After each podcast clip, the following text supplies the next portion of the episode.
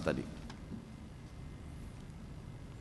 Apa maksud membaca surah Al-Kahfi pada hari Jumat? Akan diterangkan cahaya antara dia dengan Ka'bah. Ini sudah pernah saya jelaskan. Hadisnya bukan hari Jumat, malam Jumat. Hadis tentang surah Al-Kahfi ada dua. Hadis yang pertama adalah berbunyi siapa yang membaca Al-Kahfi pada malam Jumat maka akan diterangkan cahaya antara dia dengan Baitul Atiq, antara dia dengan Ka'bah. Ini ulama hadis mengatakan Maksudnya Allah subhanahu wa ta'ala akan memudahkan dia sering mendatangi Ka'bah. Mungkin umroh atau haji. Rutin membaca surah Al-Kahfi. Ini pendapat yang paling kuat. Yang paling sering dipegang oleh para ulama. Hadis yang kedua diriwayatkan juga. Ya, dan ini dua-duanya hadis sahih. Siapa yang membaca surah Al-Kahfi pada hari Jumat dia akan selamat dari fitnah Dajjal. Dari fitnah Dajjal. Jadi dua-duanya. Kalau saya ditanya, saya menganjurkan diri saya dan juga teman-teman sekalian untuk membaca di dua, dua kali malam Jumat dan di hari Jumatnya. Masjid di Indonesia banyak dan saat azan bersautan apa ini? Lalu doa di antara azan manakah yang lebih afdal? Saya nggak ngerti maksudnya. Kalau azan ada lima masjid di dekat rumah, yang satu selesai yang lainnya belum misalnya, sudah bolehkah kita berdoa antara azan? Kamu sudah boleh. Sudah bolehkah kita sholat qobliyah? Boleh, nggak ada masalah. Yang penting ada satu masjid sudah selesai azan dan terdengar. Karena patokan azan itu terdengar. Hadis Bukhari Muslim yang, menyebut, yang pada saat Nabi SAW berkata kepada Ibnu Mul Maktum, muadzin yang buta. Kan Nabi SAW mengatakan, atas ma'un nida, apa kau dengar azan enggak? Awalnya kan dia minta izin supaya tidak ke masjid. Karena dia buta, jauh rumahnya, enggak ada yang pandu, banyak binatang buas bisa menerkamnya. Nabi SAW awalnya izinkan, kemudian setelah itu turun wahyu dikatakan, atas ma'un nida, apa kau dengar azan dengan kupingmu? Dia bilang, naam. Kata Nabi, iya. Kata Nabi SAW, izan ajib. Kalau begitu jawab. Berarti patokannya mendengar. Kalau sudah didengar nggak masalah, gitu kan? Ini tentu dari masjid ya, dari masjid sekitar. Sebagian ulama mengatakan tidak berlaku yang didengar di media kalau media itu ya siaran ulang diputar-putar bisa salah jamnya. Kecuali memang bersamaan waktunya mungkin ya. jadi TV itu sebenarnya tidak dijadikan sebagai patokan.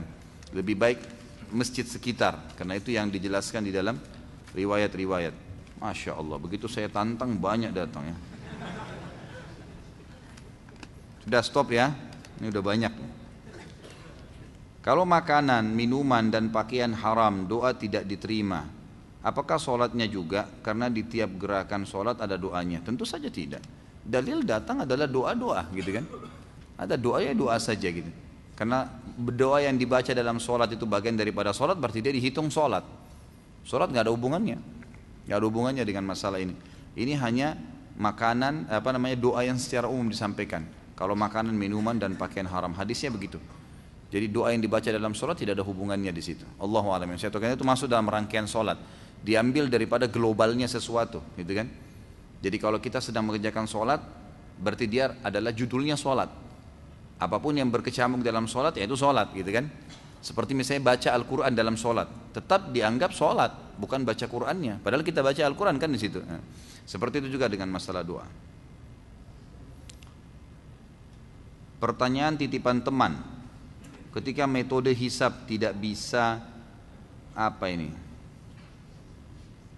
menentukan awal Ramadan. Berarti sholat berarti sholat fardu juga. Karena sering kita jumpai waktu sholat ditentukan jam misalnya. Tentu berbeda ya akhi. Sangat jauh gitu kan? Hisab dalam menentukan e, melihat awal bulan itu kan melihat awal bulan gitu kan? Kalau menentukan waktu sholat dengan jam berbeda sekali dengan hisab melihat bulan. Sangat jauh gitu Melihat melihat bulan memang itu perintah Nabi Shallallahu Alaihi Wasallam disuruh melihat sumu li ru'yatihi wa aftiru li ru'yatihi. Memang begitu perintahnya khusus masalah puasa. Berpuasa dengan melihat bulan itu, bulan itu. Berbuka puasalah dengan melihat bulan itu. Beda, gitu kan? Jadi memang di sini kita lihat penentuannya. Salat ditentukan oleh Nabi Shallallahu Alaihi Wasallam juga dengan waktu. Seperti misalnya duhur pada saat tombak sejajar dengan pada saat tombak sejajar dengan bayangannya misal. Kalau penentuan jam itu mengikuti keadaan itu, kita terima tentunya.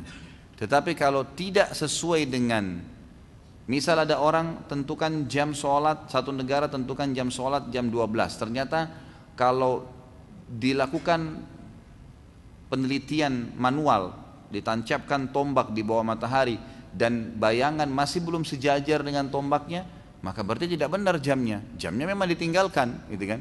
Kalau jam di sini hanya sekedar membantu saja, membantu memastikan tadi itu nggak ada masalah.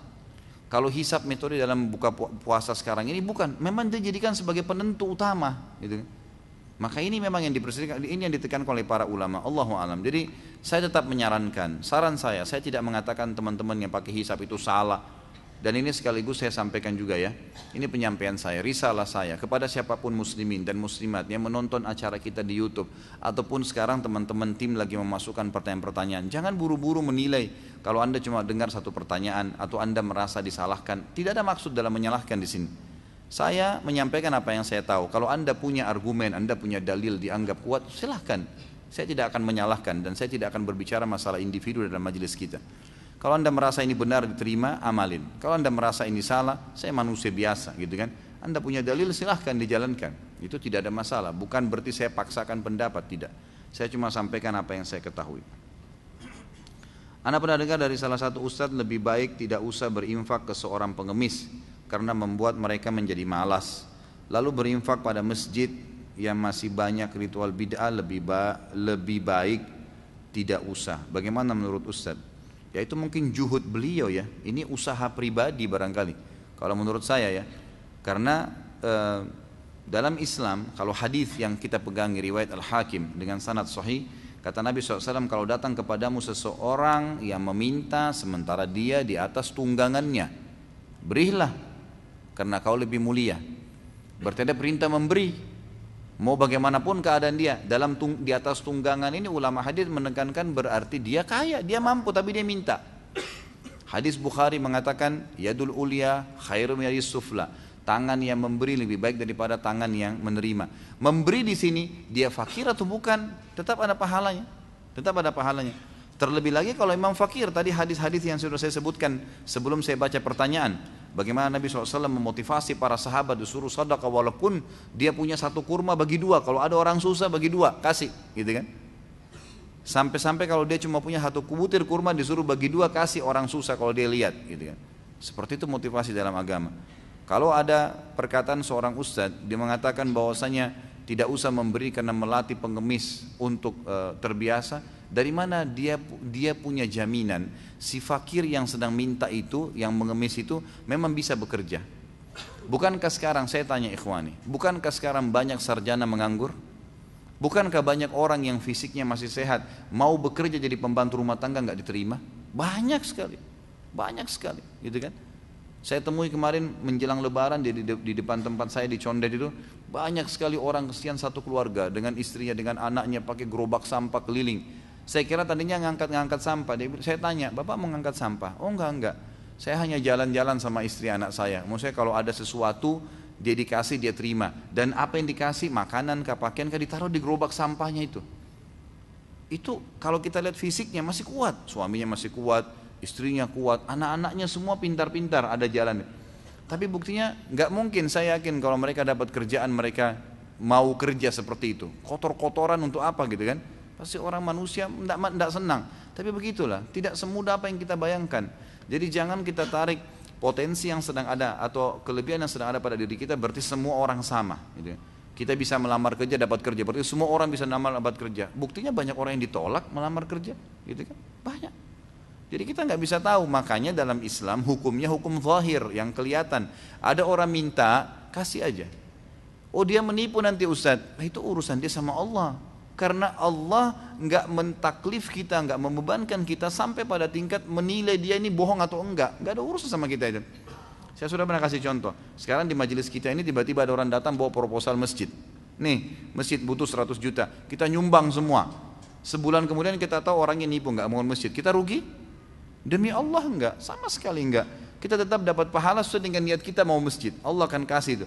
Dianya dihukum karena menipunya, gitu kan? Jadi nggak ada nggak ada nggak ada nggak ada celah kita temukan untuk tidak memberi orang. Allah alam. Ada satu pendapat memang, ada satu saran ulama, kalau ketahuan orang itu ahli maksiat, jelas-jelas uang itu akan dipakai pada maksiat kepada Allah, perbuatan bid'ah atau dia melakukan perbuatan syirik, atau misalnya memang dia melakukan, dia beli minta uang untuk minum khamr, jelas-jelas kita tahu dia pakai mabuk, nah itu boleh ditolak. Kalau kita tahu, ya. Tapi kalau kita nggak tahu secara zahir, orang datang minta kasih aja, nggak usah lihat ya bagaimana penampilan dia. Itu yang saya tahu Allah alam. Kemudian tadi kalau dikatakan berinfak kepada masjid yang di dalamnya banyak ritual bid'ah lebih baik tidak usah. Mungkin lebih baik Allah alam. Kalau kata-kata lebih baik mungkin ya. Tapi saya sarankan seperti tadi hukum zahir. Kita masuk ke masjid, kita nggak tahu masjid ini jalanin sunnah atau enggak atau banyak bid'ahnya atau enggak. Udah celengan masjid lagi lewat, kita mau bersedekah, sedekah aja. Kecuali jelas-jelas kita tahu ada pelanggaran, tidak boleh dibantu, tidak boleh didukung gitu kan. Tapi hukumnya hukum zahir semua. Kelihatan yang kelihatan depan mata itu yang kita hukumi Allah alam. Dulu saya belum mampu mengakikah anak anak saya Ustaz, tetapi sekarang secara finansial saya sudah mampu, namun anak saya sudah dewasa semua. Apakah saya masih bisa mengakikahkan anak saya? Khilaf di antara ulama ya. Saya sudah pernah jelaskan masalah ini. Pendapat pertama mengatakan tidak ada lagi akikah. Setelah lewat tujuh hari dari masa lahir nggak ada akikah. Sudah. Gugur kewajibannya, dianggap dia tidak mampu. Kecuali dalam keadaan dia memang lupa. Oh ternyata ini hari ke hari ke-8 mestinya kemarin saya akikahkan nih. Nah itu lupa lain, hukum lupa lain gitu kan.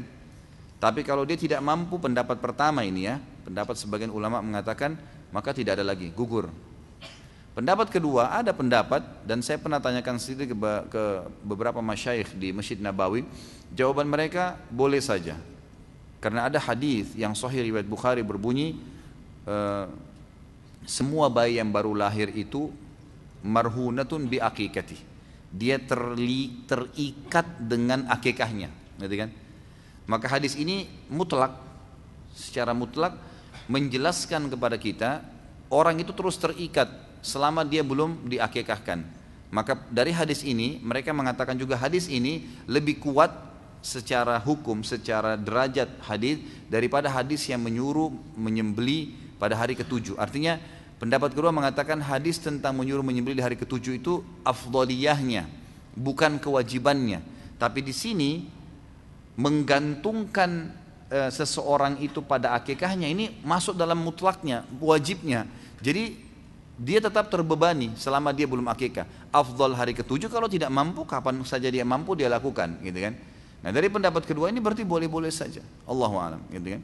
Dan Allahu alam kita lihat insya Allah eh, hadis Bukhari yang lain kata Aisyah radhiallahu anha Nabi saw tidak pernah dipilihkan dua hal, dua perkara kecuali beliau pilih yang paling mudah. Yang paling mudah, yang antum merasa pelong hati antum selama ada pendapat ulama dan memiliki dalil jalani insya Allah. Apa bedanya hadis Hasan dan Hasan Sahih? Tolong penjelasannya Ustaz. Kalau hadis Hasan saja, hadis Hasan saja, maka ini biasanya it, diitlakan secara umum semua perawi hadis. Ya, semua perawi hadis umumnya menggunakan istilah Hasan kalau hadisnya itu di bawah Sahih. Ya, kan? Kan sudah pernah di, saya jelaskan sehat sanatnya, sehat matannya. A meriwayatkan dari B, B dari C, C dari sahabat Nabi, sahabat Nabi dari Nabi SAW. Ini sehat semua. Semuanya bagus ibadahnya, semua dekat dengan Allah, hafalannya semua kuat, terkenal, ditahu di sekitar masyarakatnya, dipuji murid-muridnya jelas, guru-gurunya jelas, gitu kan? Maka ini hadisnya sahih. Tapi kalau ada satu orang saja tercoreng sedikit kehormatannya, mungkin hafalannya kurang kuat, mungkin pernah ada sesuatu yang hukumnya sunnah tapi dilanggar atau seperti apa lah. Kadang-kadang hadisnya turun dari Hasan gitu kan. Kalau diistilahkan Hasan berarti dalam ilmu mustalah hadis dia lebih di bawahnya hadis sahih. Kalau hadis Hasan sahih ini digunakan istilah oleh satu orang saja. Setahu saya ya, Imam Tirmidzi. Imam Tirmidzi menggunakan hadis Hasan sahih. Tidak semua ulama hadis gunakan nih. Kalau istilah Hasan sahih yang saya tahu digunakan oleh Imam Tirmidzi adalah hadis hasan tetapi masih dikuatkan dengan dalil-dalil yang memang derajatnya sampai pada sahih gitu loh. Jadi digunakan istilah seperti ini. Itu yang dimaksud.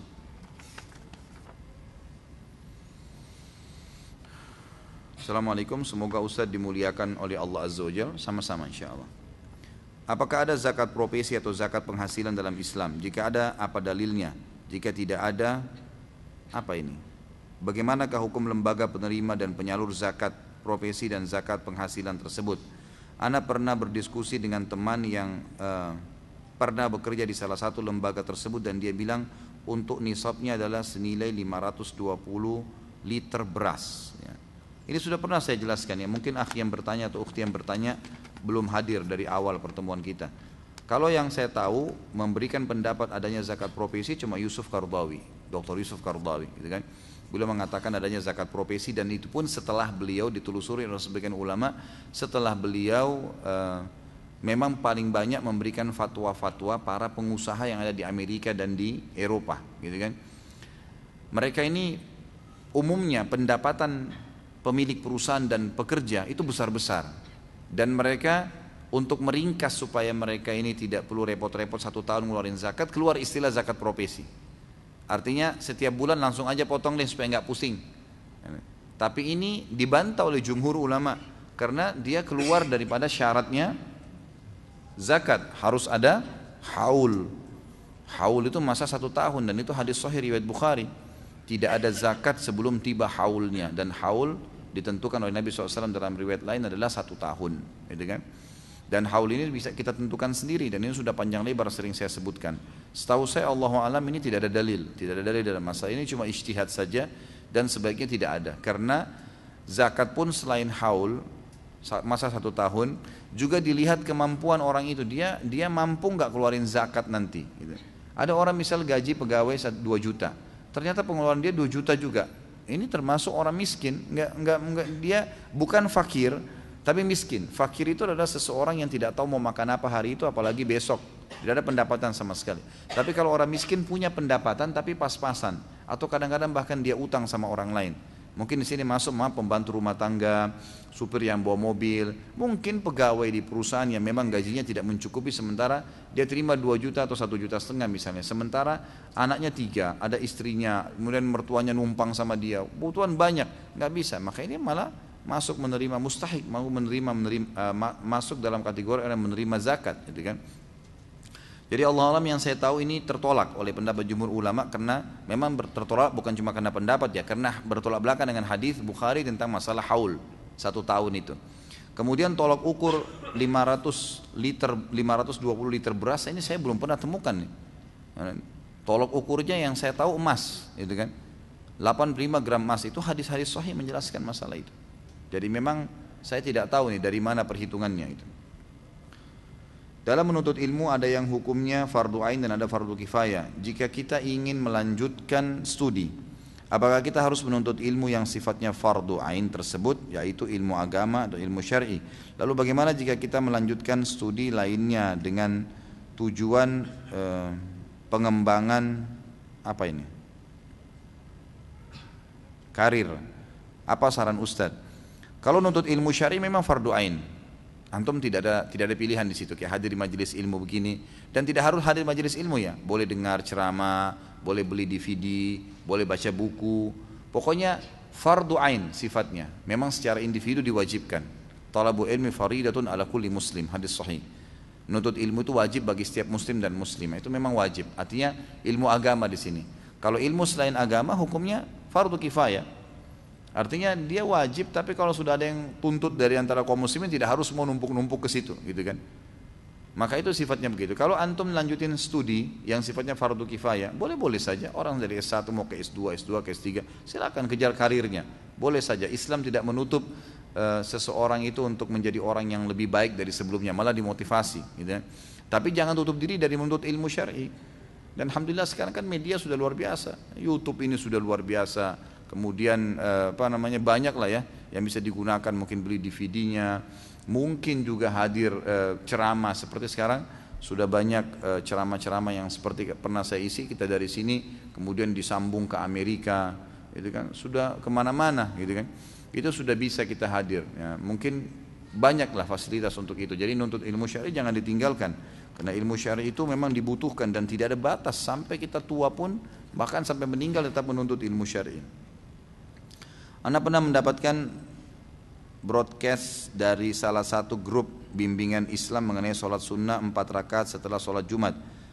Uh, dan sholat tersebut dilakukan di tempat lain bukan di masjid tempat kita tunaikan sholat Jumat. Apakah ada dalil sahih tentang amalan tersebut?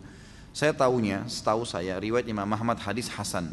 Sanatnya Hasan kalau Nabi SAW memerintahkan untuk mengerjakan empat rakaat sholat dan Nabi SAW pernah mengerjakan empat rakaat itu dua rakaat di masjid dan dua rakaat di rumah beliau. Dan ini sunnah. Boleh saja gitu kan? Artinya kalau dia memang merasa khawatir dia kalau kembali tempat kerja nggak bisa sholat dia mau sholat empat rakaat di masjid insya Allah boleh saja. Sunnah. Nggak ada masalah. Kalau dia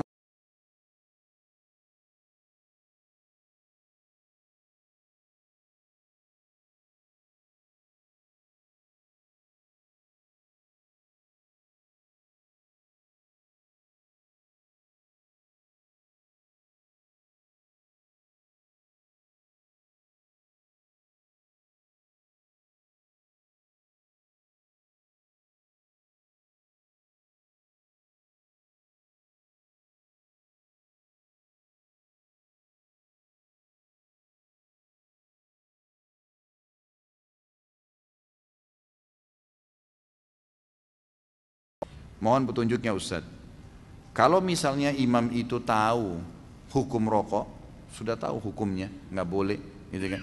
Karena dorornya lebih besar daripada manfaatnya, tetap dia lakukan. Tentu lebih baik antum cari masjid yang imamnya tidak merokok. Jadi makin terjaga muruah, kehormatan hubungan antara seorang hamba dengan Allah, maka makin baik kita menjadi imam, makmum di belakangnya, kan gitu.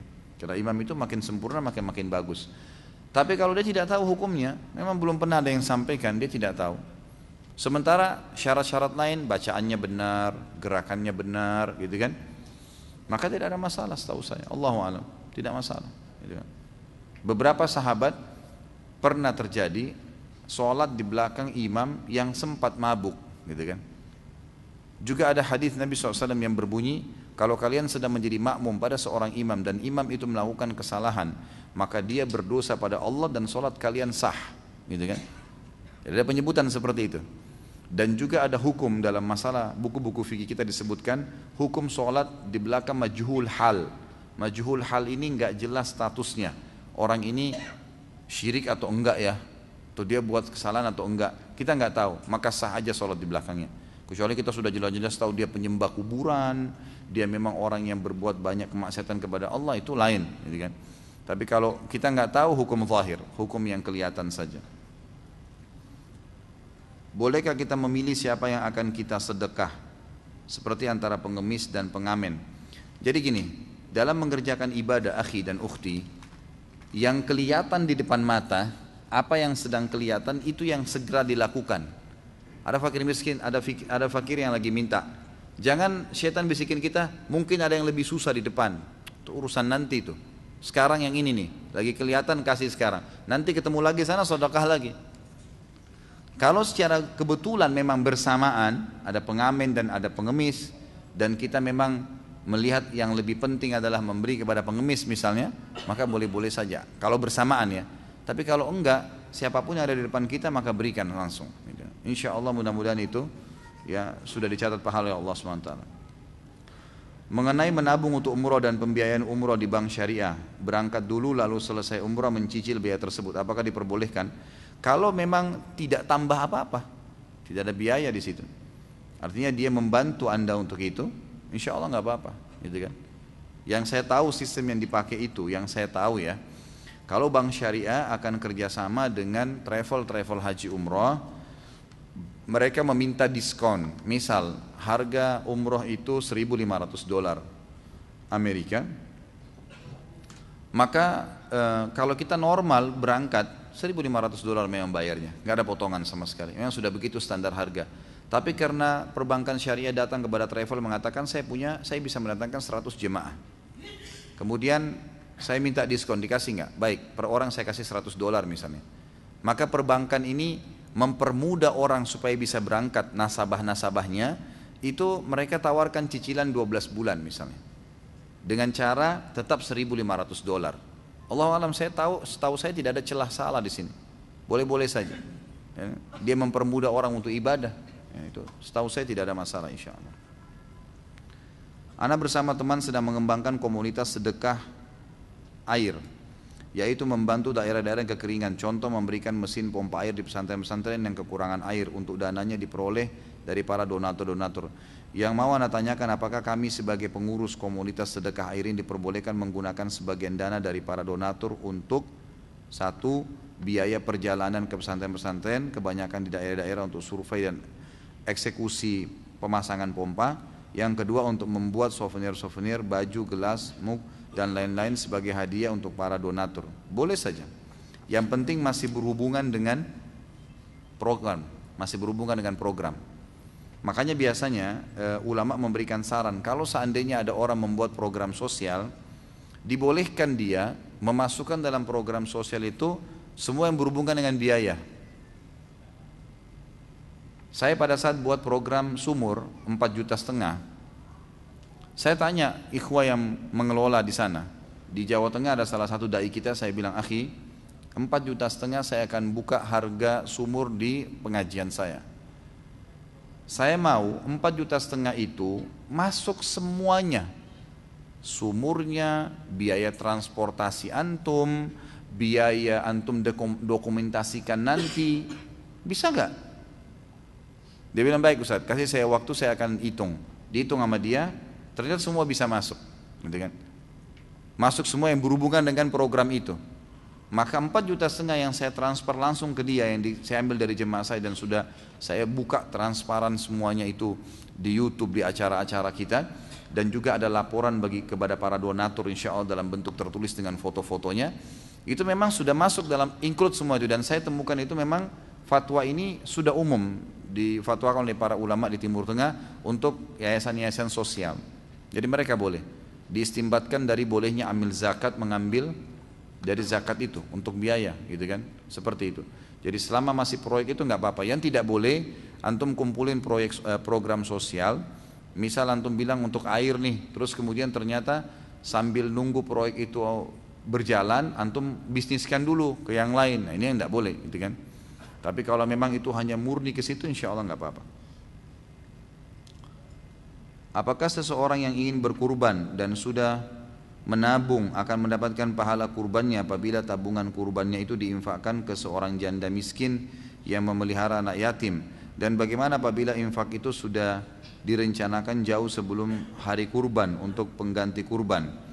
Ya saya sarankan kalau memang sudah diniatkan untuk satu program ibadah ya diniatkan untuk itu saja misal kita sudah nabung coba kita nabung setiap bulan 100 ribu untuk nanti idul adha saya mau kurban. Udah biarin aja. Ada orang yang janda miskin susah kita bantu dengan yang lain semampunya.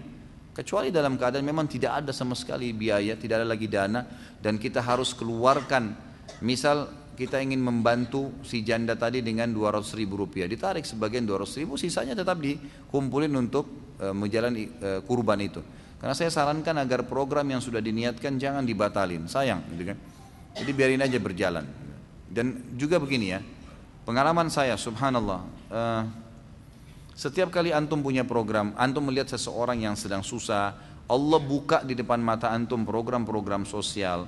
Ada orang susah, ada tetangga susah, ada janda susah tadi, ada anak yatim yang terbengkalai, ada masjid yang mau dibangun dekat rumah. Saya sarankan begini, Jangan antum bersodokah sendiri. Lihat nih, dokumentasikan langsung di, di HP. Orang yang antum kenal saja. Antum punya grup misalnya di WhatsApp, di BlackBerry. Coba kirim, ini ada masjid dekat rumah saya ini. Jadi jangan sendirian, coba ajak orang lain. Subhanallah, mengajak orang lain itu akan memudahkan banyak masalah nih. Gitu kan. Saya punya pengalaman pribadi begini. Ada motor yang sering saya pakai, ada motor Mio saya dulu. Saya pakai udah lama dari mungkin berapa tahun yang lalu lah Kan sudah 6, 6, 7 tahun, 6 tahun ya saya pakai. Kemudian ke mana-mana saya sering pakai. Ya. Dan ya mungkin sudah 6 tahun ada sedikit penyakit. Kalau orang mungkin batuk sedikit ya. Kemudian saya berpikir untuk mengganti motor saya. Gitu kan. Saya mau ganti ah, insya Allah mudah-mudahan Allah ada rezeki. Belum, memang saya belum pegang duit sama sekali. Ini gimana caranya ganti nih? Saya tidak tahu. waktu itu kebetulan kalau tidak salah hari Jumat, Sabtu Ahad hari Senin saya mulai lagi aktivitas dakwah saya terfikir waktu itu terlintas saya ingin buat program untuk motor dai gitu.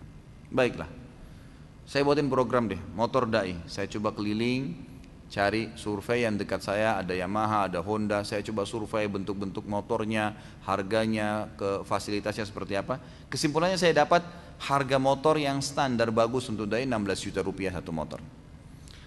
Mulailah hari Senin, Selasa, Rabu, Kamis sampai satu minggu, ya satu pekan saya ceramah saya sampaikan, Bapak Ibu sekalian saya punya program untuk ini. Begitu saja saya sampaikan. Subhanallah saya kedatangan ada suami istri, terus langsung mengatakan Ustadz bawa sama saya bukti transfer, saya sudah transfer Ustaz, untuk tujuh motor. Silakan Ustadz alokasikan terserah mau ke mana saja. Baik insya Allah. Jazakumullah khair saya akan alokasikan. Saya mulai data tuh teman-teman saya dai-dai yang saya tahu. Lalu saya dahulukan mereka nih, belikan, belikan, belikan, belikan. Oh jazakallah khair, jazakallah khair, saya kirimin. Fotonya saya minta dengan datanya pribadi di WhatsApp langsung saya kirim kepada donatur. Ini loh yang terima si fulan, si fulan. Ini teman-teman saya ini yang terima ini kalau saya sebut namanya mungkin antum rata-rata kenal. Orang-orang yang dikenal Masya Allah gitu kan.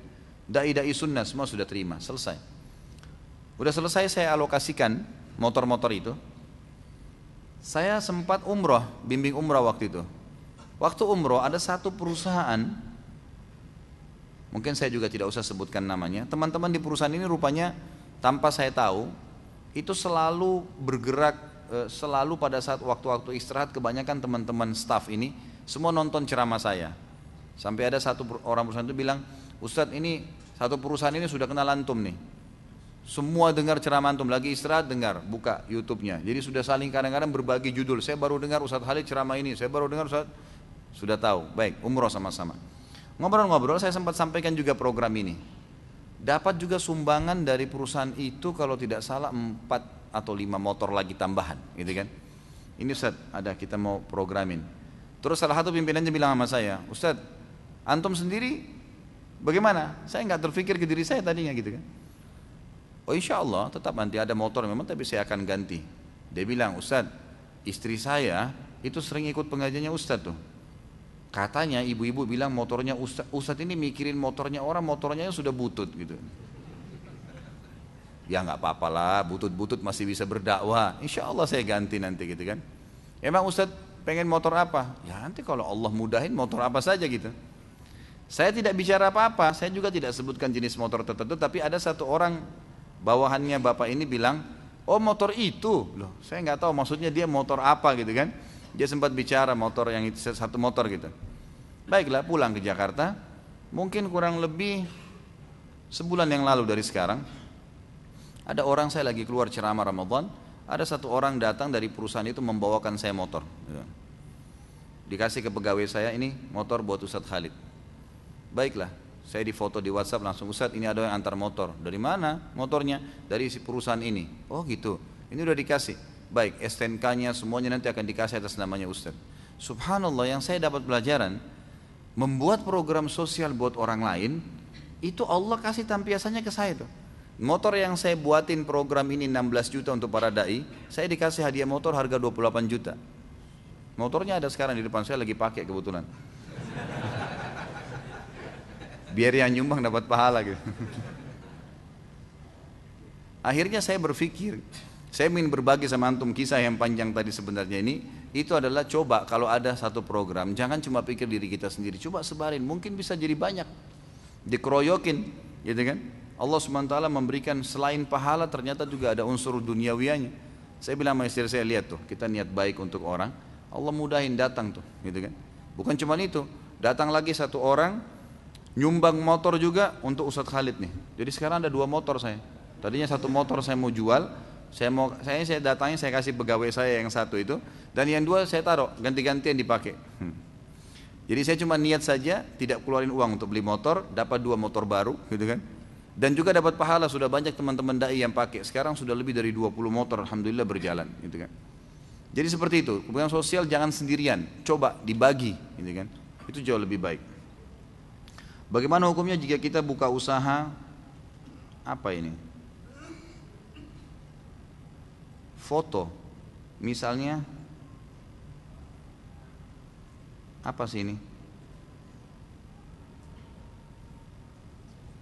Saya nggak bisa baca ya. Baik nanti kita lihat kalau masih ada waktu. Bagaimana menurut Ustaz tanggung jawab orang tua atau ayah ibu terhadap kehidupan anaknya apabila apakah baik mempersiapkan materi untuk pendidikan lalu untuk menikah lalu sampai untuk bekerja? Tentu saja orang tuanya makin banyak menyiapkan e, kebutuhan anaknya makin besar pahalanya. Tentu saja. Kata Nabi SAW dalam hadis Bukhari, engkau meninggalkan anakmu dalam kondisi berkecukupan, jauh lebih baik daripada engkau membiarkan atau meninggalkan mereka. Nanti kamu meninggal dalam kondisi mereka meminta-minta kepada orang lain. Kata ulama hadis dari hadis ini bahwasanya memang memberikan atau menyiapkan fasilitas anak-anak itu sangat baik, pahalanya besar. Jadi nggak masalah, itu bagus sekali. Saya dulu kuliah di urusan fotografi. Saya ingin mengerti tentang hukum fotografi dalam Islam. Apa hukumnya mencari nafkah dari fotografi? Contoh foto pernikahan, foto dokumentasi acara. Pertemukan antara profesi antum itu dengan halal haramnya Allah, gitu kan? Begitu saja. Fotografi haram kah? Tergantung. Yang difoto siapa, gitu kan? Untuk siapa foto itu? Kalau antum foto orang-orang yang telanjang ya haram, dosa, pendapatnya juga haram. Tapi kalau foto macam yang lain ya, yang lain mungkin e, bekerja untuk seperti misal ada salah seorang ikhwan, dia datang ke restoran kemarin di tempat saya, kemudian dia menawarkan untuk foto menu, buat menu misalnya. Jadilah foto menu itu. Dia bisa tuh dia bawa kamera, dia datang dan akhirnya artinya bisa dialihkan kepada hal-hal yang lain. Kalau hal itu tidak berbau maksiat kepada Allah SWT tidak ada masalah. Yang saya tahu ya, Allah alam. Tapi kalau foto perkawinan ini Allah alam yang saya saran saya pribadi lebih baik dijauhi karena nanti akan ke mana-mana ya. Nantinya tidak mungkin cuman pengantin yang mau difoto, nanti keluarganya, keluarganya juga tidak tahu semua pakai jilbab atau tidak dan beragam macam rentetan akhirnya kita berada telur yang di ujung tombak gitu. Ya, bisa saja tiba-tiba kita terjerumus dalam perbuatan salah akhirnya sedikit masalah jadi pendapatan haram Allahu alam apa hukumnya memajang foto dalam rumah termasuk foto Masjidil Haram atau Nabawi saya sudah pernah bilang kalau foto yang berjiwa gitu kan manusia hewan jin ya Ulama masukkan jin dan juga masukkan malaikat di sini. Kalau empat makhluknya Allah ini maka tidak boleh, gitu kan, dipajang. Karena memang ada hadis Nabi SAW, rumah yang terdapat gambar yang berjiwa tidak akan dimasuki oleh malaikat, gitu kan. Jadi kalaupun darurat antum punya foto di rumah, maka minimal sekali taruh di album kapan butuh baru dibuka, gitu kan. Seperti itu. Karena memajangnya punya hukum sendiri dan antum bisa kembali penanya ke buku yang pernah saya bawa judulnya rumah-rumah yang tidak dimasuki oleh malaikat itu bisa dilihat insya Allah. Bagaimana hukumnya jika bekerja atau mempunyai bos yang non muslim? Apakah rezeki yang dihasilkan dari gaji setiap bulannya haram? Tergantung jenis pekerjaannya. Kalau masalah pemilik perusahaan itu non muslim tidak ada masalah. Tapi jenis produk yang dijual, kan itu menilai pendapatan halal atau tidak dari kalau dagang ya atau bekerja satu perusahaan dari produk yang dijual sistem yang dipakai. Ya. Kalau ini tidak tidak tidak melanggar agama, maka tidak ada masalah. Gitu kan? Masalah pemilik non muslim itu tidak ada masalah. Itu bukan hal yang menghalangi seseorang untuk bekerja. Dalam keadaan safar, apabila tempat kita singgah selama safar selama tiga hari di dekat masjid, apakah tetap boleh melaksanakan sholat sunnah seperti rawatib?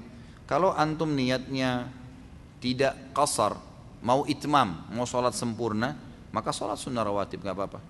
Karena itu kan pilihan ya, sedekah dari Allah. Artinya musafir itu boleh jamak kasar, boleh itmam, bebas. Jangan dianggap harus, enggak. Boleh. Kalau kita lagi musafir dari Jakarta ke Surabaya, kebetulan silaturahim dengan orang tua misalnya, di dekat rumah orang tua ada masjid. Kita juga tidak ada kegiatan penting. Mau ikut sholat itmam seperti mukim, itu nggak masalah. Malah lebih baik, gitu kan? Kata para ulama, dilihat kondisinya. Kalau kondisinya dia bisa sempurnakan itmam dan itu dia tidak ada kegiatan apa-apa maka itu lebih baik. Tapi kalau dalam kondisi dia ada kegiatan lain dia boleh mengambil keringanan itu. Boleh dia jamak kasar. Apakah bersodokah dengan mengharapkan imbalan berupa harta atau kekayaan yang bersifat duniawi dapat menyebabkan amalan tersebut tertolak karena termasuk dalam perbuatan syirik. Nah tidak diniatkan murni karena Allah. Nah, tidak ada syiriknya di situ. Enggak ada syirik sama sekali. Allah menjanjikan kalau kita bersedekah di jalan Allah, Allah ganti. Kalau kita berharap dengan mengeluarkan sedekah Allah datangkan harta, itu tidak salah. Itu sesuai dengan syariat, enggak ada masalah. Itu kan? Kita sholat mengharapkan pahala yang Allah janjikan, justru itu tepat. Itu kan? Jadi memang itu tepatnya begitu. Jadi kalau kita tidak tidak tidak menghubungkan dengan janji Allah, malah kita tidak termotivasi kan gitu. Jadi nggak ada masalah itu bukan syirik kok, lain. Ya, tidak ada hubungannya dengan syirik di situ. Jadi boleh-boleh saja kita berharap balasan kita bersedekah supaya Allah lipat gandakan rezeki. Itu boleh, nggak ada masalah itu. Itu tidak melanggar sama sekali. Apakah sedekah seluruh harta tanpa sisa untuk keluarga sedikit pun itu boleh Ustaz? Boleh saja. Karena ini sering dilakukan ya. Yang saya katakan boleh ini karena dilakukan oleh beberapa sahabat seperti Abu Bakar radhiyallahu anhu, Abdurrahman bin Auf radhiyallahu anhu dan beberapa sahabat memang pernah mempraktikkan dan Nabi SAW tidak larang. Waktu Nabi SAW memandangkan jihad, kemudian Umar berkata radhiyallahu anhu, saya hari ini akan mengalahkan Abu Bakar. Dia bawa setengah hartanya. Kemudian setelah dia tiba di masjid ternyata Abu Bakar sudah ada. Lalu Umar mengatakan, saya yakin Abu Bakar tidak akan menyumbang setengah hartanya. Lalu dia mengatakan, ya Rasulullah ini setengah harta saya. Nabi SAW mengatakan baik yang kamu lakukan wahai Umar. Lalu Umar penasaran tanya, wahai Abu Bakar, ya Rasulullah Abu Bakar saudakah apa? Ya, maka Nabi SAW mengatakan Abu Bakar mau saudakakan seluruh hartanya, gitu kan? Dan waktu Nabi SAW tanya, wahai Abu Bakar, apa yang kau sisakan untuk keluargamu? Dia bilang Allah dan Rasulnya. Nabi SAW tidak tegur nih perbuatan. Tapi memang ada pendapat para ulama yang mengatakan, Abu Bakar radhiyallahu anhu terkenal dengan sodakahnya yang banyak dan selalu dikatakan beliau mensodakakan semua hartanya. Yang dimaksud dengan semua harta adalah yang sedang dia miliki pada saat itu. Bukan aset ya. Jadi misal, kita lagi di masjid ada, nih sumbang buat masjid, sumbang buat jihad. Kita lagi punya sejuta rupiah di kantong, kita keluarin semua. Nih, berarti kita sedang mensodakakan seluruh harta kita pada saat itu yang kita milikin.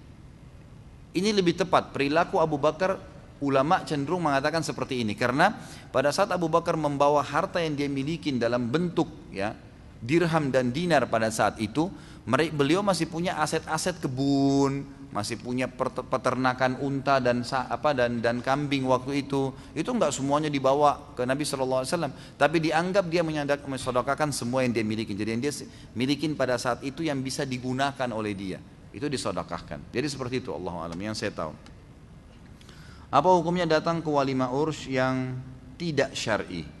Biasanya sering bercampur baur antara pria dan wanita. Saya sarankan hadir akad nikahnya saja. Akad nikah saja. Nggak usah ada hadir di gedungnya, gitu kan? Karena itu nanti akan lebih banyak efek e, tidak baiknya. Minimal kita dengar musik, nanti lihat auratnya orang, nanti nggak enak disalamin sama perempuan atau orang yang lebih tua, terus kita dianggap sombong karena dianggap lebih muda dan beragam macam godaan syaitan. Udah, hadir yang wajib wajib itu di akad nikah itu wajibnya gitu kan? Dan sebenarnya sunnahnya yang Nabi SAW contohkan setiap, setiap akad, habis akad nikah langsung walimah urusnya langsung acara makannya itu sunnah Nabi. Kalau kita kan dipisah ya akad nikah sekarang nanti malam baru gedung berarti acara gedung malamnya itu sudah bukan kewajiban yang itu yang yang ali akad nikah itu yang wajib gitu kan. Jadi hadir akad nikahnya saja. Apa hukumnya menyumbang ketika walimah urus Ya kalau niatnya sedekah umum insya Allah nggak apa-apa. Tapi tidak ada secara khusus ya dalil yang saya tahu. Sebatas ilmu saya tidak pernah Nabi SAW secara khusus menyuruh membawa Aisyah pada saat mendatangi radhiyallahu anha perkawinan-perkawinan wanita Ansar di Madinah itu membawa uang. Itu belum pernah. Saya belum pernah temukan ada riwayat. Tapi umumnya ulama bilang kalau dia masukkan dalam sodakah secara umum karena dia anggap memang orang menikah mungkin butuh biaya dia mau kasih maka itu boleh-boleh saja. Surah apa ya? Eh, apa ini? Sunnah-sunnah apa yang dilakukan ketika anaknya lahir? Ya hari ketujuh diberikan nama dicukur rambutnya kemudian ditimbang dengan timbangan emas atau perak lalu misal rambutnya setelah dicukur satu gram dicari nilai emas waktu itu berapa lalu disedekahkan atau nilai perak kemudian diberikan nama pada waktu itu selain diakikahkan Kemudian juga disunnahkan dari hari itu hari ketujuh ya. Dari hari pertama lahir sampai hari ketujuh sunnahnya ditahnik. Dimakan dikunyain kurma sampai halus oleh orang soleh atau atau orang tuanya baru ditempelkan di langit-langitnya. Jadi yang sampai halus sekali sedikit saja kemudian ditaruh di, di tenggorokan sedikit ya jangan satu butir kurma keselak nanti bayinya nah. jadi sedikit saja diambil nanti kalau dia sudah isap kemudian memang sudah habis baru dikasih sedikit lagi gitu kan jadi seperti itu dan ini boleh orang soleh atau orang tuanya. Dalilnya orang soleh adalah Nabi SAW karena sering kali Nah, eh, para sahabat membawa anak-anak bayi mereka yang baru lahir dan Nabi SAW mentahniknya di antaranya Abdullah ibn Zubair radhiyallahu anhu majma'in.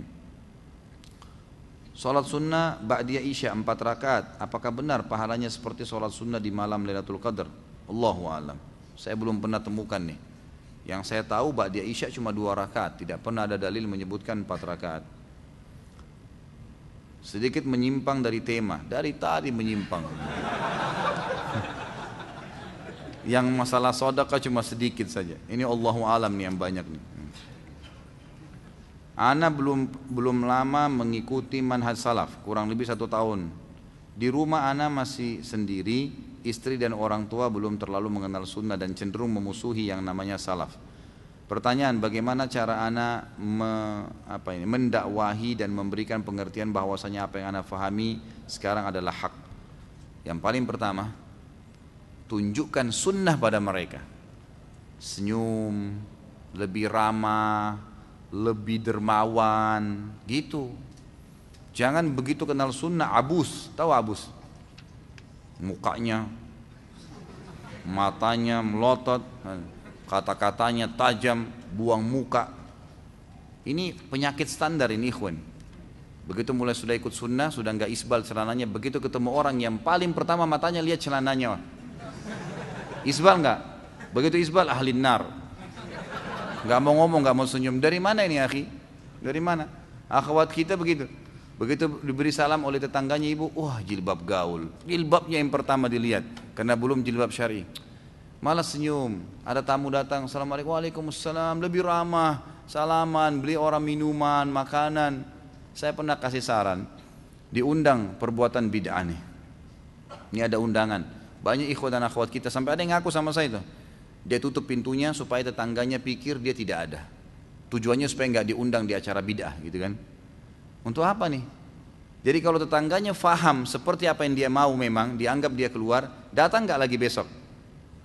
Datang lagi, tahun depan diundang lagi nggak? Diundang lagi. Kenapa buka? Assalamualaikum, waalaikumsalam. Orang datang senyum, langsung senyum. Oh silakan bu, masuk silakan pak, masuk, duduk, salaman. Setelah duduk, Ya, salamannya laki-laki sama laki-laki, perempuan sama perempuan. Setelah duduk, gitu kan, berikan dulu minuman, tanya kabarnya, nggak usah, nggak usah langsung to the point. Tunjukkan sunnah Nabi SAW. Dalam hadis Bukhari, siapa yang mengaku beriman kepada Allah dan hari akhir, dia harus apa? Mengikram tamunya. Tahu ikram itu apa? Ikram itu senyum, eh, ramah, hidangkan makanan, minuman, selalu begitu. Tradisi Nabi SAW kalau datang tamu itu nggak nanya mau apa langsung, nggak dihidangkan dulu makanan, minuman, duduk. Setelah itu adabnya sudah kenyang dia, sudah makan, sudah minum baru dia sampaikan dan adabnya itu biasanya dibiarkan tamu yang nyampein, bukan ditanya ada apa enggak.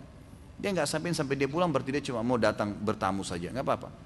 Jadi datang ramah, oh ya sudah selesai diberikan makan minum baru dikasih. Ini ada undangan ya acara ini, baik kita tahu eh, acara bid'ah, baik.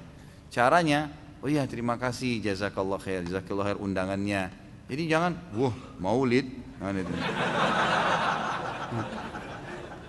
Wah ini an itu gitu. Bid'ah. Nggak bisa ini. Haram.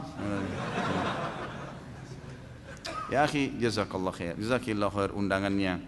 Tapi begini ya saya ikut pengajian. Nah ceritain. Kalau ada ustadz saya mengatakan kayaknya ini belum pernah dicontohin oleh Nabi Shallallahu Alaihi Wasallam jadi mungkin saya belum bisa hadir gitu kan. Tapi yang saya tahu sunnah Nabi, misal kalau dia e, ngundang untuk acara maulid yang kita tahu Nabi tidak pernah contohin. Yang saya tahu kan itu tujuannya untuk mengetahui sejarah Nabi ya. Kita kebetulan ada buku sirah Nabi yang lebih, ini saya hadiahin silahkan dibaca. Misal contoh, gitu kan? Atau apalah ya, apa saja undangan kita jadikan tuh sebagai ajang orang nyaman, gitu. orang nyaman sama kita. Jadi senyum, supel. Kalau ada orang mati, kita yang paling pertama takziah. Paling pertama muncul kita di situ, gitu kan? Takziah sunnah Nabi, datang doakan, sabarkan, pulang. Antar makanan, antar minuman, sunnah Nabi. Ini enggak tetangganya belum kenal sunnah, wah ini pasti macam-macam nih acaranya sebentar. Pasti ada berzanji, pasti ada tahlilan, pasti ada begini. Udah saya nggak usah hadir deh, lebih baik, gitu kan? Untuk apa? Kenapa akhi? Jadi mereka tidak bakal pernah kenal apa itu sunnah dan dianggap antum benci tuh kalau ada cara takziah. Padahal kita nggak benci gitu kan. Itu kan sunnah Nabi. Datang tunjukin sunnah Nabi SAW. Ada jenazah tetangga meninggal, kita yang paling pertama datang. Bantu urus apa gitu kan. Mungkin kita bisa mandiin, kita tahu hukumnya, pernah pelajari, oh cara memandikan jenazah Allah Nabi SAW ini begini, kita praktekin. Biar saya bantu ya mandiin sesama jenis ya. Jadi mandiin, baik kita mandiin, kita yang kafani, oh ini ada buku nih, ada buku cara kafalin begini, kita kasih hadiah buku-buku. Jadi kita masuk, praktekin sunnah sama mereka. Mestinya begitu. Antum laki-laki sudah kenal sunnah, makin sayang sama istrinya, makin ramah, ya gitu kan. Kalau dulu tidak pernah meluk, sekarang lebih sering meluk. Tidak pernah kata sayang, sekarang lebih senang sayang. Sekarang lebih supel, lebih suka membantu kasih uang. Dulu cuma berapa satu bulan, sekarang lebih. Wah, ini bagus nih perubahannya. Istrinya bisa tanya, taklim di mana tuh? Gak apa-apa deh sampai jam 12 malam. Nah, nafkahnya naik kan gitu. Tapi kalau antum tambah pelit, sudah berjenggot, kemudian mukanya nggak pernah senyum, lalu istrinya minta, bang beli ini dong, nggak ada. Gak usah mubazir, banyak-banyak, nggak usah. Pelit. Padahal Nabi SAW sangat ringan tangan, gitu kan? Pahalanya besar. Jadi tunjukkan sunnah pada mereka, gitu kan? Jangan malah musuhin. Jadi kita hadir di masyarakat, ada kerja bakti kita yang paling pertama, ngambil cangkul, bersihin got, kita kerja sama sama mereka tunjukin. Memang begitu sunnah. Jadi orang melihat perubahan itu berefek yang baik. Kalau kita malah menjauh, jadi kita praktekin sunnah dalam diri kita, tapi kita hilangkan sunnah di masyarakat, ini salah. Nggak bisa. Orang tua kita, kita makin bakti dengan orang tua, kalau dulunya kita cuma sekedar beliin barang, mungkin sekarang kalau lagi pas di rumah, ibu kita lagi duduk dipijitin kakinya, gitu kan. Lebih banyak baktinya, apa saja, gitu kan. Bukankah banyak sekali para salaful ummah yang bakti dengan orang tuanya dengan beragam macam cara, ada yang sengaja dinginin susu terus diminumin dengan tangannya, gitu kan. Ada yang sengaja membersihkan kotorannya orang tuanya, banyak perbuatannya. Buat gitu kan? Buat yang memang luar biasa sunnah, pasti orang tua kita senang tuh. Karena ternyata perubahan secara penampilan ini membawa efek lebih baik ke masyarakat dan memang itu sunnah Nabi SAW. Mestinya begitu, gitu kan? Jadi mulai sekarang belajar senyum, ya. Ini yang sudah menjadi ikuti taklim sunnah senyum. Senyum dengan wajah kepada wajah saudaramu adalah sedekah. Bersodakah orang sodakah cuma sedikit kita lebih banyak sodakahnya kita lebih banyak gitu kan. Sebarin buku-buku bagi Al-Quran masjid dekat rumah mau dibantu kita yang lebih banyak membantu seterusnya gitu kan. Maka itu insya Allah akan lebih menjadi uh, asas dakwah yang lebih tepat gitu. seberapa penting hadiah dalam suami istri? Apakah mempengaruhi rasa cinta? Masa mesti diajar ini? Hah? atau mungkin belum pengalaman kali? Baiklah Tentu saja penting. Kata Nabi SAW, tahadu, tahabu. Saling memberikan hadiah, maka kalian saling mencintai. Jadi memang bagus, berikan hadiah. Berikan hadiah. Makin sering kita beli hadiah kepada orang tua, kepada pasangan hidup, kepada anak, kepada siapa saja teman-teman itu bagus. Berikan hadiah. Dan hadiah itu subhanallah, walaupun murah menyenangkan, gitu kan? Punya nilai karena dia diberi hadiah. Berikan hadiah. Apa saja. Kalau istri kita suka bunga, beliin bunga gitu kan. Kalau dia suka makanan, beliin makanan.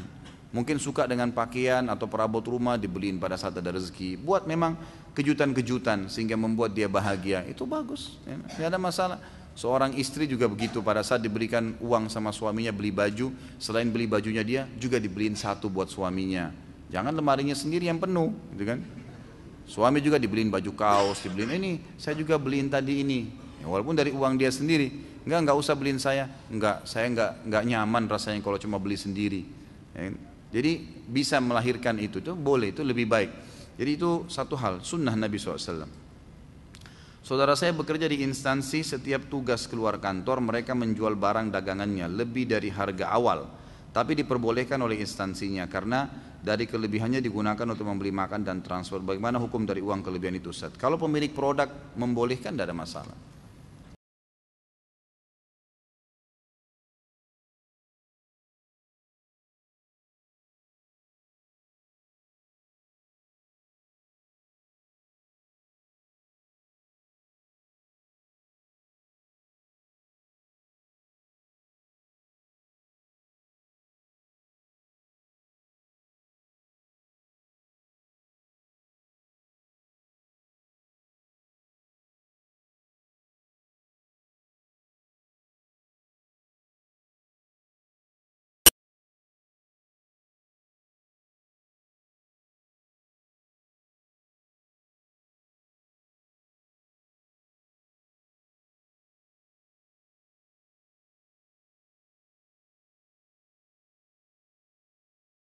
Sesuai dengan kemampuan. Berapa kemampuan kita kita kasih saja. Insya Allah akan ada gantinya dari Allah Subhanahu Wa Taala.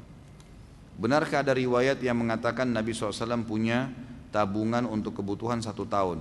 Allahu alam. Saya nggak tahu kalau soal itu. Saya belum pernah tahu. Yang saya tahu riwayat Bukhari pernah diceritakan rumah Nabi SAW kata kata Urwah bin Zubair. Ini keponakannya Aisyah radhiyallahu anha. Dia mengatakan saya pernah datang kepada bibiku Aisyah radhiyallahu dan Aisyah berkata, Apakah kau tahu wahai anakku? Aisyah radhiyallahu berkata kepada ponakannya, Urwa bin Zubair. Apakah karena Urwa ini ibunya namanya Asma, ya kan? Asma ini saudara kandungnya Aisyah. Gitu. Apakah kau tahu wahai anakku? Kami pernah di rumah Nabi SAW sebulan tidak pernah nyalain api, nggak ada masakan. Lalu kata Urwa, lalu kalian makan hidup dari mana? Kata kata Aisyah dari dari dua benda yang asas, kurma dan air, kurma dan air, gitu kan? Berarti di rumah Nabi SAW tidak ada tabungan, tidak ada simpanan nih. Satu bulan gak ada makanan gitu kan. Yang saya tahu malah sebaliknya kalau riwayat-riwayat itu menjelaskan Nabi SAW selalu mengeluarkan, mengeluarkan. Dan ini memang ciri para nabi-nabi ya. Pernah saya jelaskan Nabi Ibrahim alaihissalam juga begitu. Nabi Ibrahim alaihissalam itu tidak pernah kalau dihidangkan makanan itu makan sendiri. Pasti setelah dihidangkan makanan buka pintu rumahnya siapa saja lewat dipanggil untuk duduk makan sama-sama walaupun tidak dikenal, gitu kan. Jika masjid pertama adalah Masjidil Haram dan masjid kedua adalah Masjidil Aqsa, maka siapakah yang membangun Masjidil Aqsa jika Masjidil Haram dibangun oleh Nabi Ibrahim alaihissalam? Mengingat jarak keduanya adalah 40 tahun, tidak mungkin bila yang membangunnya Aqsa adalah Nabi Sulaiman alaihissalam. Yang saya tahu, Allah alam yang bangun termasuk juga Ibrahim alaihissalam. Ibrahim alaihissalam. Ya. Jadi Ibrahim memang alaihissalam itu eh, lokasi dakwanya Babilonia, Irak, sampai Namrud dimusnahkan oleh Allah karena tidak mau dengar, tidak mau terima dakwah. Lalu Allah SWT menyuruh Ibrahim AS pindah ke Palestina. Jadi tinggal di Palestina lama tuh, gitu kan? Lama sekali. Sampai ada beberapa asar yang menyebutkan Ibrahim AS meninggal di Palestina, gitu kan?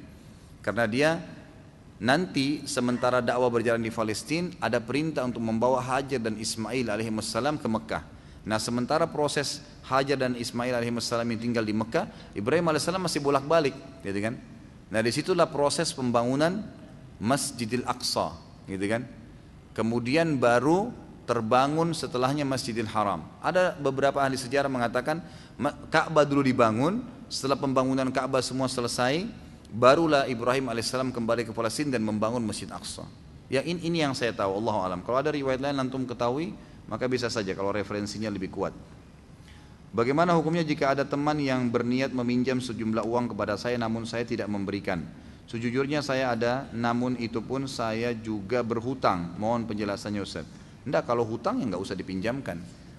Kalau kita memang betul juga hutang, maka nggak usah dipinjamkan. Tetapi kalau kita punya kelebihan, pinjamkan aja, nggak ada masalah. Ya. Karena meminjamkan itu masuk dalam sodaka yang berjangka malah, gitu kan? Jadi kalau sodakah umumnya, misal kita keluarin sekaligus nih 500 ribu kasih orang, gitu kan? 500 ribu itu selesai, udah jadi sodakah nanti Allah SWT akan kembang biakan. Tapi kalau utang, itu kata ulama double. Selain pahala sodakahnya, pahala memberikan utang juga sendiri. Karena itu juga sodakah, gitu kan? Makanya ada hadis yang berbunyi siapa yang meminjamkan uang kepada seseorang, maka terhitung dia seperti bersodakah dengan setengah uangnya itu. Sebagian ulama hadis bilang selama belum dibayar. Jadi kalau kita utangkan orang seminggu dia belum bayar, maka setiap hari seperti dia bersodakah setengah dari apa yang dia utangkan itu. Jadi lebih banyak, lebih besar pahalanya daripada sodakah umumnya. Makanya sebagian tabi'in ya dinukil kepada kita, mereka itu lebih gemar meminjamkan uang daripada bersodakah umumnya. Kalau orang-orang itu tidak mampu membayar, dimaafin sama dia. Karena ada hadis lain yang berbunyi, kata Nabi SAW dalam hadis Bukhari Muslim, kalau ya ini tolong akhwat jangan salah faham dengan riwayat ini. Kan? Kita ambil positifnya. Saya tidak tahu jawaban yang lain soalnya. Karena kata Nabi Wasallam, kalau seseorang itu ya memiliki uang, memiliki utang, kemudian dia e, memaafkan pada saat orang-orang itu tidak mampu, Allah akan lepaskan dia dari masalah-masalah pada hari kiamat. Riwayat lain dikatakan dia akan dipilihkan bidadari pada hari kiamat yang dia inginkan, gitu kan. Jadi ada fadilah sendiri, tapi yang jelas dia bisa dibebaskan dari ya masalah-masalah yang dihadapi hari kiamat. Saya pernah membaca hadis tentang malaikat yang ketika pagi dan sore berdoa, Ya Allah berikanlah kerugian kepada orang yang menahan dan berikanlah ganti kepada orang yang berinfak. Apakah dari hadis ini sodokah yang diperintahkan hanya ketika pagi dan sore? Tidak juga, ya, tidak juga. Karena kalau diitlakan waktu pagi, berarti dia masuk semua setengah hari. Kalau diitlakan sore atau petang hari, itu masuk sampai pagi lagi, gitu kan? Jadi ter, ter, uh, bebas saja insya Allah masuk dalam waktu-waktu itu. Dan juga di sini doanya, eh, doa malaikat ini berlaku maksudnya pada saat pagi mereka berdoa di pagi hari ini sampai menjelang sore. Siapa pun yang bersodokah bukakan. Dari petang, dari sore hari sampai besok pagi lagi. Doanya berlaku begitu walaupun dia berdoa di sore hari. Siapa pun yang bersodokah di sore hari ini sampai menjelang pagi maka juga itu mendapatkan semoga dibukakan jalan-jalan rezekinya. Bagaimana hukum bekerja di kantor pajak? Kantor pajak, pajak kan peraturan pemerintah, gitu kan? Dan sudah saya jelaskan itu hari. Kalau memang maksud pemerintah ini positif, dalam arti kata memang memberikan untuk maslahat, untuk kegiatan-kegiatan sosial, itu masuk kita kalau bayar pajak kita bersodakah, sama kita bersodakah.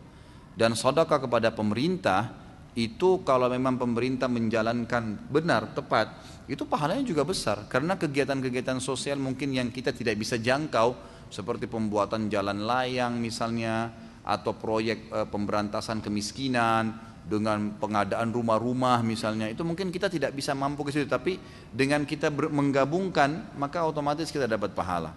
Yang setahu saya Allah alam itu tidak ada masalah tidak ada masalah. Kecuali ada penyimpangan di situ. Kalau yang ada penyimpangan-penyimpangan yang terjadi antum tahu maka itu tidak boleh tapi secara umum pajak itu yang diletakkan oleh pemerintah, setahu saya ulama mengatakan boleh saja pemerintah meletakkan untuk pembiayaan negara. Dan siapa pun yang membayar pajak tepat dia taat sama pemerintahnya maka dapat pahala dan itu pahala sedekah kepada pemerintah. Bagaimana hukum memakai celak? Boleh saja celak. Laki-laki dan perempuan dibolehkan, tidak ada masalah. Tetapi bagi perempuan dianjurkan ya untuk Eh, memakai di, tem di tempat-tempat yang tidak menjadi fitnah. Karena celah itu kan malah membuat mata kelihatan lebih terang, lebih baik, lebih terbentuk gitu kan.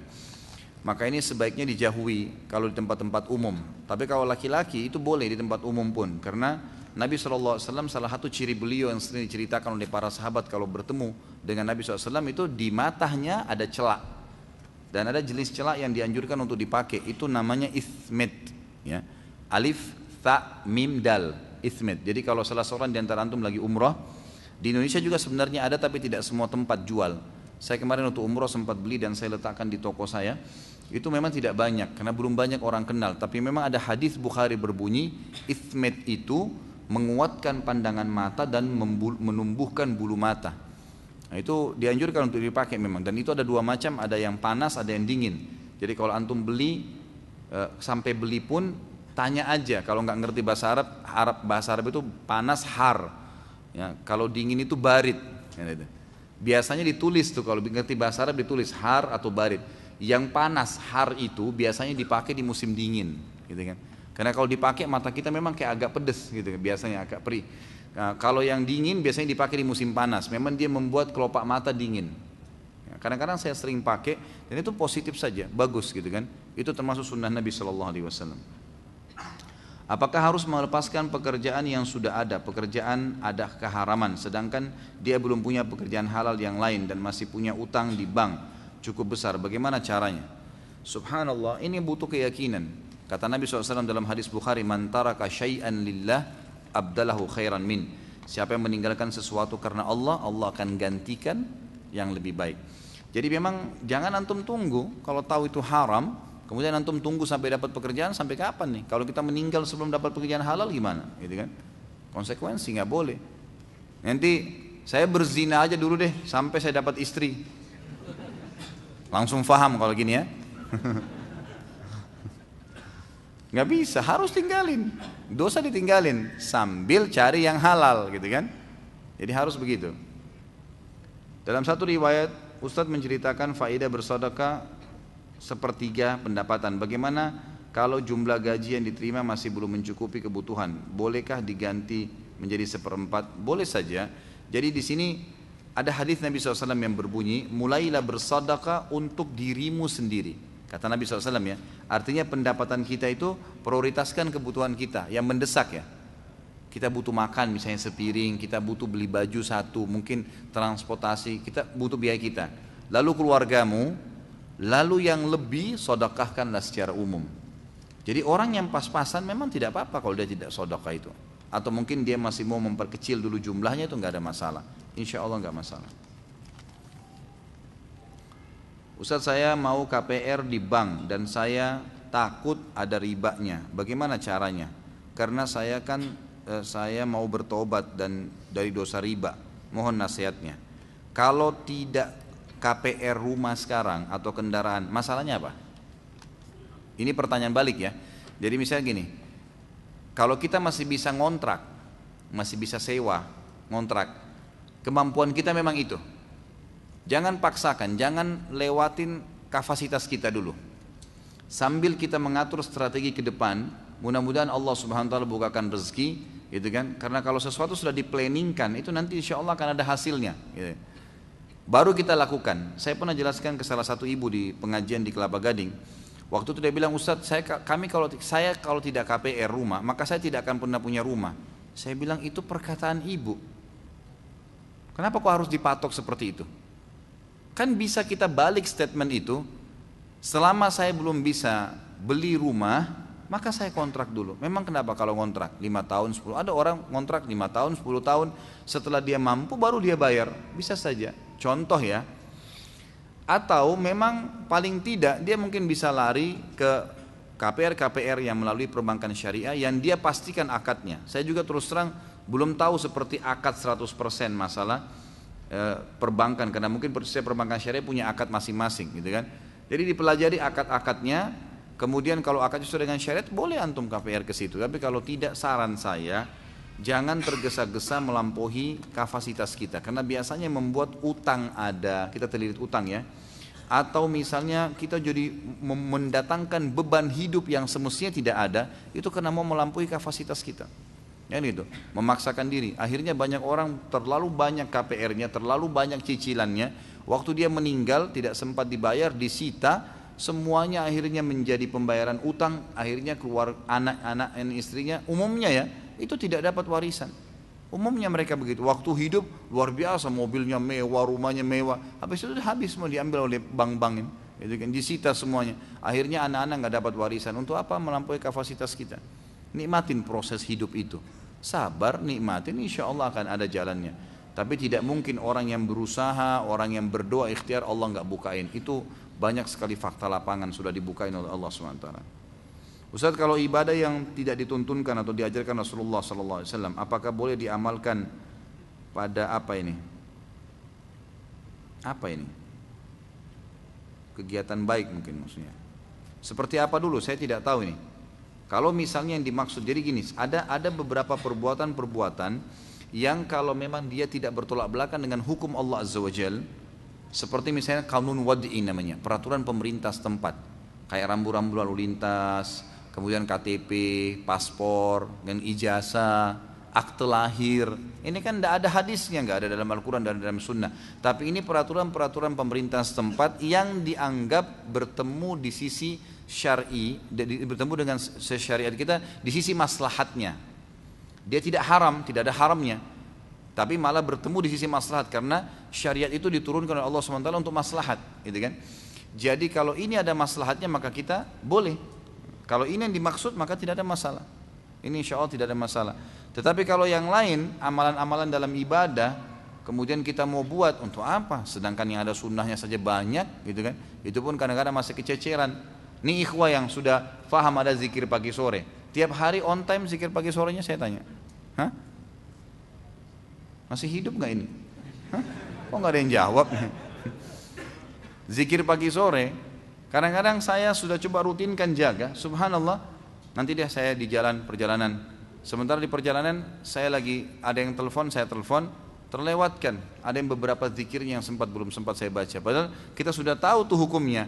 Saya pribadi punya pengalaman kadang-kadang terlewatkan tuh, gitu kan? Yang sudah ada sunnahnya saja kadang-kadang kita masih terbengkalai. Kenapa mau cari yang tidak ada sunnahnya nih?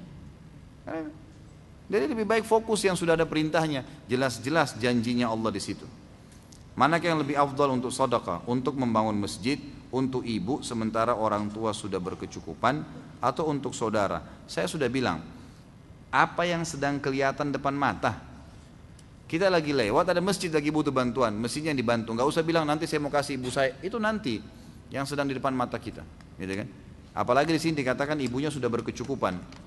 Dan kalau kita bisa bagi, kita bagi, nggak ada masalah. Dibagi malah lebih baik. Misal masjidnya kita kasih 100 ribu, kita punya 500 ribu sedekahin. Nanti buat ibu 200 ribu, nanti mungkin buat saudara kita bagi yang sisanya. Maka itu boleh-boleh saja, dibagi, diratakan. Berhubungan masih dalam bulan syawal, maka sebelumnya saya mengucapkan takaballah minna minkum. Taib. Siyamana wa siyamakum. Takabbal ya karim, insyaallah Allah terima. Afwan, ana ingin menanyakan seputar Syawal. Bagaimana hukum mengucapkan minal aidin wal faizin? Apakah bid'ah? Kalau dikatakan bid'ah itu tidak masuk dalam bid'ah setahu saya kecuali orang itu menganggap itu bagian daripada acara id yang harus diucapkan gitu kan.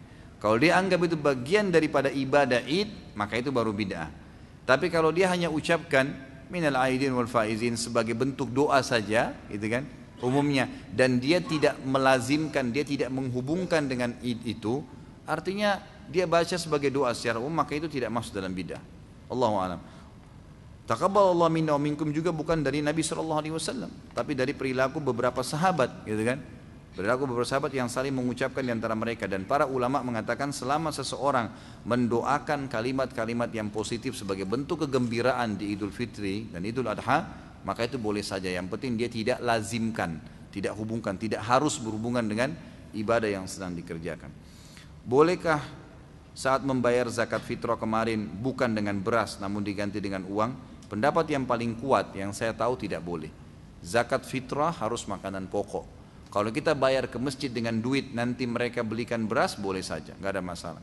Tapi kalau kitanya kasih uang ke fakir miskin dengan nilai dua setengah kilo beras ini tidak ada sunnahnya. Karena memang itu harus kut. Kut itu makanan pokok. Makanan pokok. Kalau uangnya sedekah atau zakat mal. Jadi zakat fitrah memang makanan pokok. Kemarin Idul Fitri jatuh di hari Jumat. Apakah sholat Jumatnya wajib diganti sholat duhur? Jadi kalau terjadi dalam hadis dikatakan kalau sudah id, ya, maka Jumat itu menjadi sunnah. Ya, menjadi sunnah artinya menjadi khiar, boleh dikerjakan, boleh tidak. Jumatnya ya. Tapi kalau orang tidak Jumat tetap sholat duhur. Karena tidak mungkin dihilangkan dua-duanya. Kan gitu. Dan ini juga yang membuat Abu Hanifah rahimahullah berpegang pada hadis sahih ini kalau sholat id itu wajib. Kalau sholat id itu diwajibkan. Beliau mengatakan ini wajib.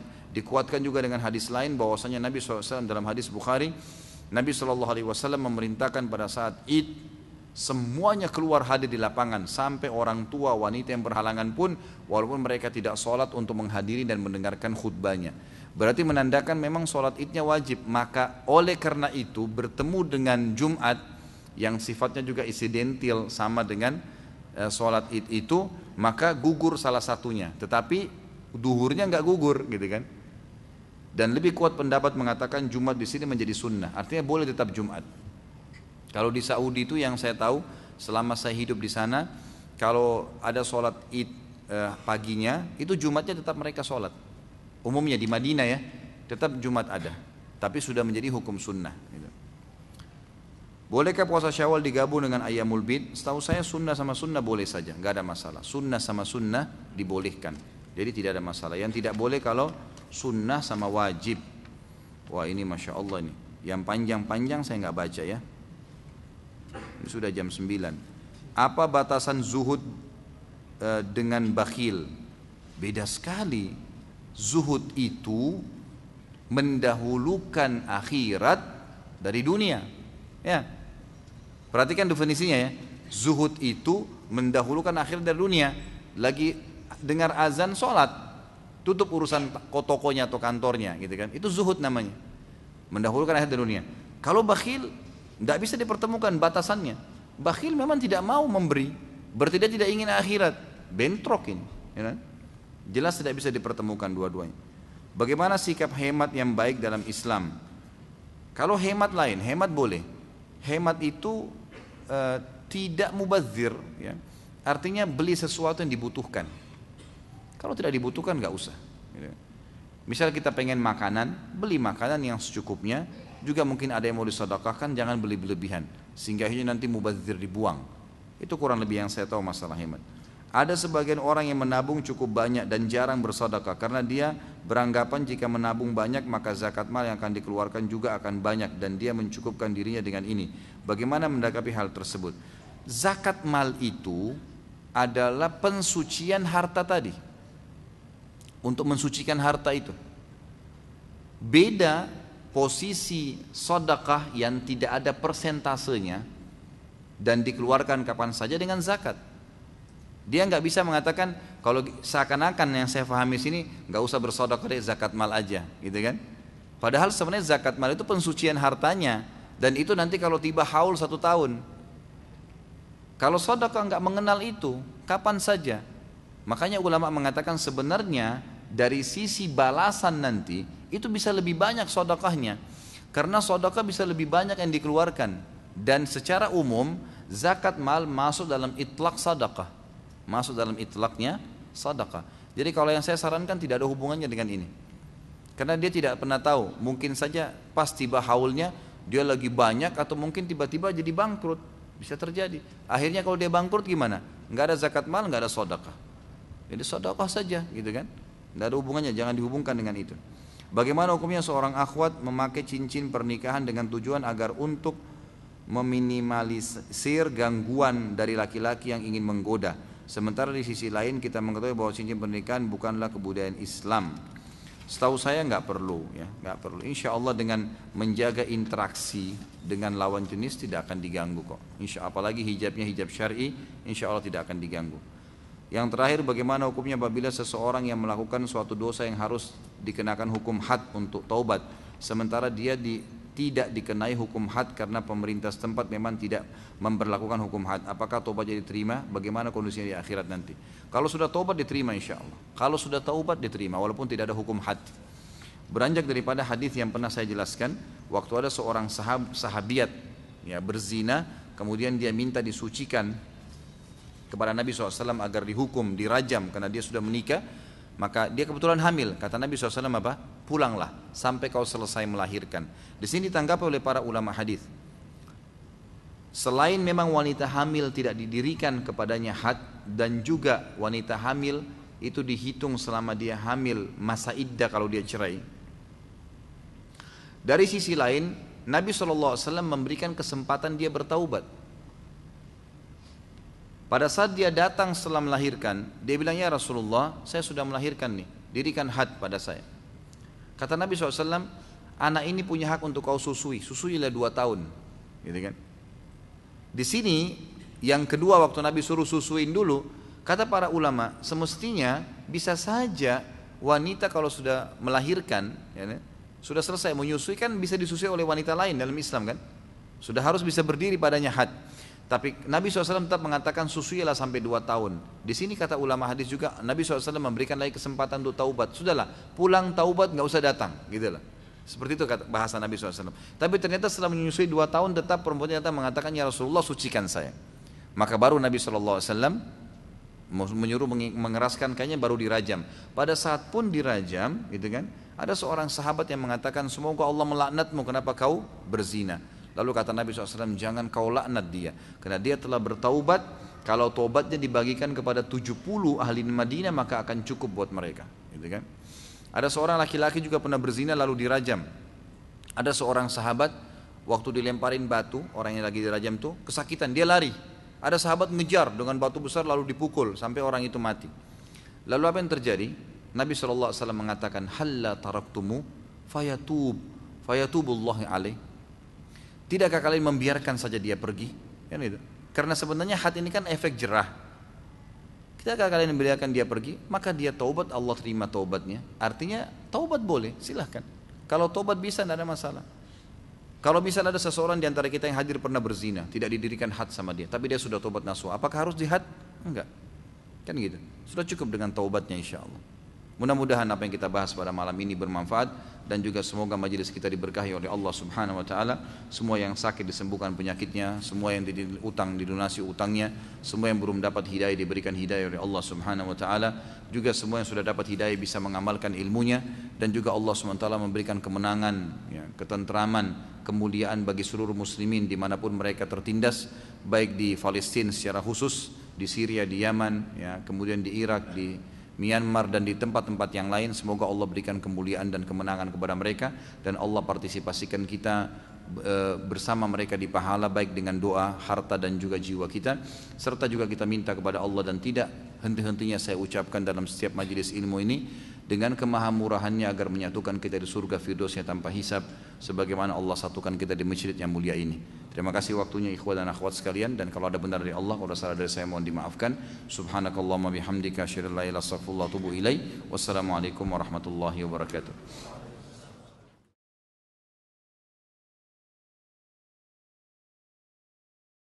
Assalamualaikum Untuk pemesanan paket umroh murah bisa menghubungi 0821 4196 0857 Kami ulangi sekali lagi untuk pemesanan paket umroh murah bisa menghubungi 0821 4196 0857 Sekali lagi 0821 4196 0857 Terima kasih